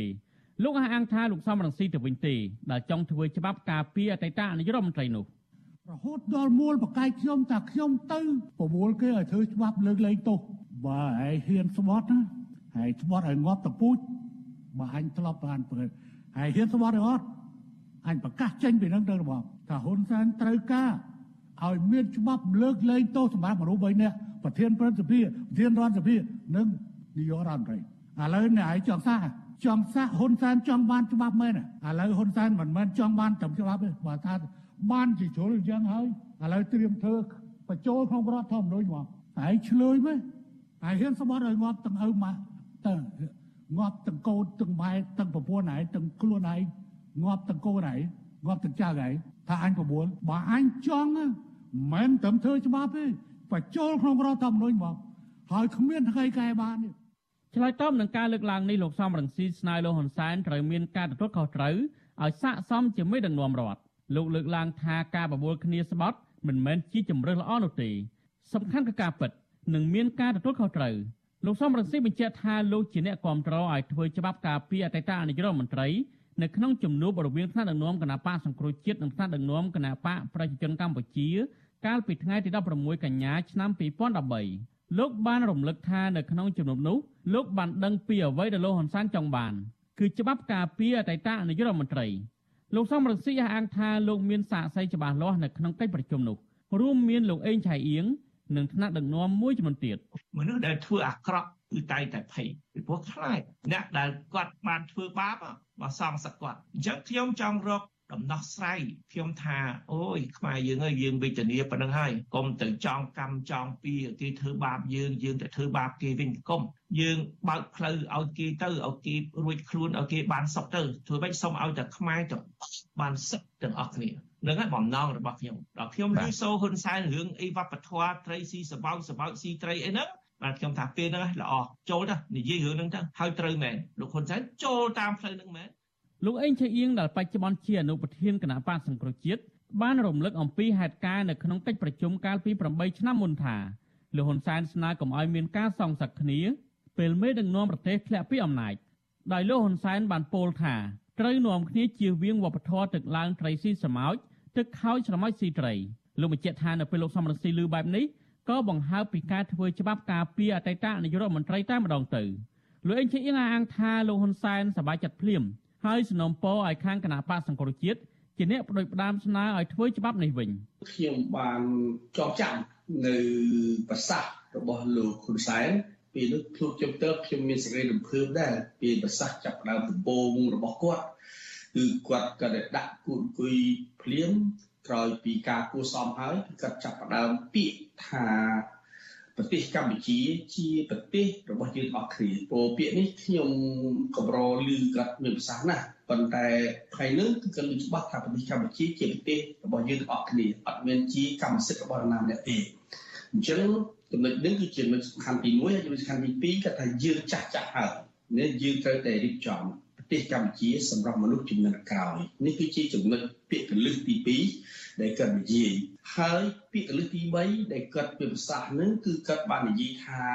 យើងត្រូវតែបញ្ចប់នយោបាយទឹកឡើងត្រីស៊ីសម៉ោចទឹកហោចសម៉ោចស៊ីត្រីនេះគឺជាចំណុចដែលឈានទៅដល់ពិភាក្សាគ្នាអំពីបកលើកលែងលើកលែងទោសដល់អតីតនាយករដ្ឋមន្ត្រីចំណុចនេះឯងពេលនោះឯងដែល ចាប់ដើមនៃកិត្តនិយាយដល់ប្រសាសន៍អាទឹកឡើងត្រីស៊ីសម៉ោចដាក់ខោសមុទ្រស៊ីត្រីទាំងឯងបាទខាងភាគីគណៈបកសុជាតិគឺមានលោកប្រធានសំស៊ីគាត់ថាអញ្ចឹងបើដើម្បីបញ្ចប់រឿងយើងត្រូវតែមានច្បាប់មួយ ដើម្បីការពារអតីតមេដឹកនាំពេលដែលចាក់ចេញពីអំណាចពេលនោះដែលលោកហ៊ុនសែនក៏គាត់ឆ្លើយតបវិញថាបើមានច្បាប់បែបហ្នឹងគឺមិនត្រូវតែធ្វើសម្រាប់តែនាយករដ្ឋមន្ត្រីទេត្រូវធ្វើសម្រាប់យ៉ាងហោចណាស់ក៏មនុស្ស3នាក់ដែរ គឺអតីតប្រធានព្រឹទ្ធសភាអតីតប្រធានរដ្ឋសភានិងនាយករដ្ឋមន្ត្រីនឹងគឺជាគំនិតដែលលោកហ៊ុនសែនបានជែកគ្នាដែលបាននិយាយគ្នាហើយពេលនោះខ្ញុំចាំទៀតលោកហ៊ុនសែនក៏បានបញ្ជាក់ទៀតគាត់ថាបបបែបហ្នឹងគឺខាងគាត់ប្របាក់ស្នើណាបើកាលណាគាត់ស្នើទៅវាធ្វើឲ្យហាក់បីដូចដើម្បីការពារខ្លួនឯង ពេលនោះលោកសំស៊ីក៏ដូចលោកកឹមសុខាក៏ឆ្លើយព្រមគ្នាភ្លាមដើម្បីកុំឲ្យលោកហ៊ុនសែនទើសទាល់នឹងគាត់ថាមិនអីទេឲ្យតែយើងឯកភាពគំនិតបែបហ្នឹងគឺខាងខ្ញុំខាងគណៈបកខ្ញុំអ្នកស្នើក៏បានដែរទោះបីជាយ៉ាងណាក៏ដោយអ្នកខ្លោមើលផ្នែកអភិវឌ្ឍសង្គមបណ្ឌិតសេនស៊ូរីដែលធ្លាប់រងការតាមចាប់ខ្លួនពីរបបលហ៊ុនសែនកាលពីពេលថ្មីៗនេះផងនោះលោកមានប្រសាសន៍ថាអ្នកនយោបាយខ្មែរល្មមដល់ពេលត្រូវបញ្ចប់ចំនួននយោបាយហើយ លោកបញ្ជាក់ថាជារឿងល្អមួយបើសិនជាកម្ពុជាមានច្បាប់ការពារអតីតនាយករដ្ឋមន្ត្រីហើយមេដឹកនាំខ្មែរបញ្ចប់នៅវប្បធម៌សងសឹកគ្នាដើម្បីឲ្យប្រជាពលរដ្ឋស្គាល់រសជាតិសន្តិភាពពិតប្រាកដខ្ញុំគិតថាការបង្កើតច្បាប់ការពារអតីតនាយករដ្ឋមន្ត្រីប្រធានសភាប្រតិភិនេះវាជាវាជាឧបករណ៍មួយដែលអាចធានាទៅលើការចរចានយោបាយធានាទៅលើគេហៅថាសន្តិភាពផ្លូវចិត្តរបស់អ្នកនយោបាយដែលដឹកនាំយូរអង្វែងណា រីឯមេដឹកនាំគណៈបកប្រឆាំងវិញក៏ហាក់បន្ទន់អេរិយាប័តច្រើនដែរលោកសំរងស៊ីប្រកាសថាលោកធានាថាគណៈបកសង្គ្រោះជាតិនឹងមិនសងសឹកវិញជាដាច់ខាតទោះបីជាលោកហ៊ុនសែនបានធ្វើទុកបុកម្នេញគណៈបកសង្គ្រោះជាតិដោយសពថ្ងៃនេះក្តីឲ្យតែលោកហ៊ុនសែនចោះចេញពីអំណាចដោយសន្តិវិធីខ្ញុំទីនសាការីយ៉ាអសិរ័យប្រធានីវ៉ាស៊ីនតោនចាលោកនាងកញ្ញាប្រិយមិត្តអ្នកស្ដាប់ជាទីមេត្រីចាតកតងទៅនឹងរឿង ខាងរឿងបទជួញដូរកុមារឯនេះវិញចាសាលាដំបងខេត្តក្រចេះកាលពីថ្ងៃទី19ខែកញ្ញាបានចោទប្រកាន់បុរសជនជាតិអាមេរិកម្នាក់អាយុ75ឆ្នាំ ពីបទជួញដូរផ្លូវភេទលើកុមារចំនួន2នាក់សេចក្តីប្រកាសព័ត៌មានរបស់អង្គការសកម្មភាពដើម្បីកុមារហៅកាត់ថា Apple នៅថ្ងៃទី22ខែកញ្ញានេះឲ្យដឹងថា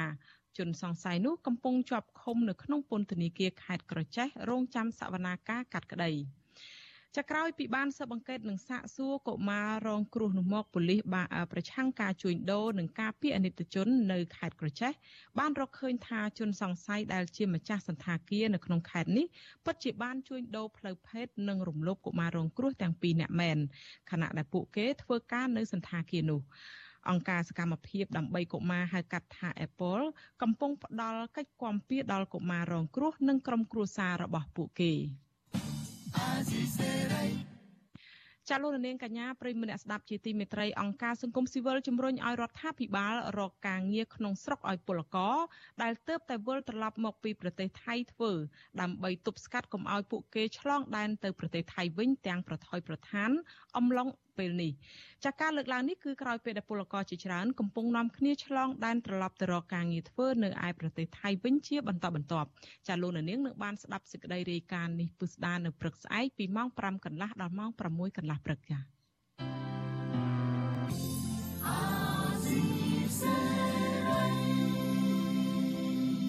ចាលោករនាងកញ្ញាប្រិមមអ្នកស្ដាប់ជាទីមេត្រីចាលោករនាងដែលកំពុងតាមដានស្ដាប់ការផ្សាយរបស់យើងតាមរយៈរលកធាតុអាកាសខ្លីឬ short wave លោកនាងនឹងមិនលឺការផ្សាយរបស់យើងទៀតទេប៉ុន្តែសម្រាប់លោកនាងដែលកំពុងតែទស្សនាការផ្សាយរបស់យើងលើបណ្ដាញសង្គម Facebook និង YouTube សូមលោកនាងនៅបន្តជាមួយយើងរយៈពេល30នាទីទៀតចានៅពេលបន្តិចទៀតនេះអ្នកស្រីសុជីវីនឹងមានបទសម្ភាសន៍មួយស្ដីអំពីថាតើស្ថាប័នណាខ្លះមានសិទ្ធិអំណាចបញ្ឈប់រដ្ឋាភិបាលពីការរំលោភបំពានរដ្ឋធម្មនុញ្ញចាដូច្នេះសូមអញ្ជើញលោកនាងរងចាំទស្សនាកិច្ចពិភាក្សានេះនៅពេលបន្តិចទៀតចាសម្រាប់ពេលនេះនាងខ្ញុំខែសុណងសូមអរគុណនិងសូមជម្រាបរាបលាហើយសូមប្រកល់នីតិនេះជូនទៅអ្នកស្រីសុជីវីជាអ្នកសម្របសម្រួលចា៎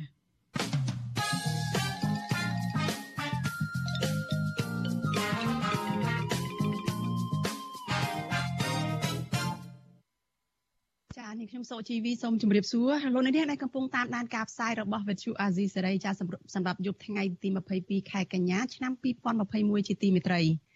ចា៎នៅថ្ងៃទី24ខែកញ្ញាខាងមុខនេះ គឺជាខួប24 28ឆ្នាំនៃការប្រកាសប្រើរដ្ឋធម្មនុញ្ញទី6គឺរដ្ឋធម្មនុញ្ញដែលបានបង្កើតឡើងនៅក្នុងឆ្នាំ1993ចារដ្ឋធម្មនុញ្ញដែលជាច្បាប់កម្ពុជារបស់កម្ពុជានេះបានចែងថាសិទ្ធិអំណាចធំបំផុតឬក៏អំណាចទាំងអស់គឺជារបស់ប្រជាពលរដ្ឋ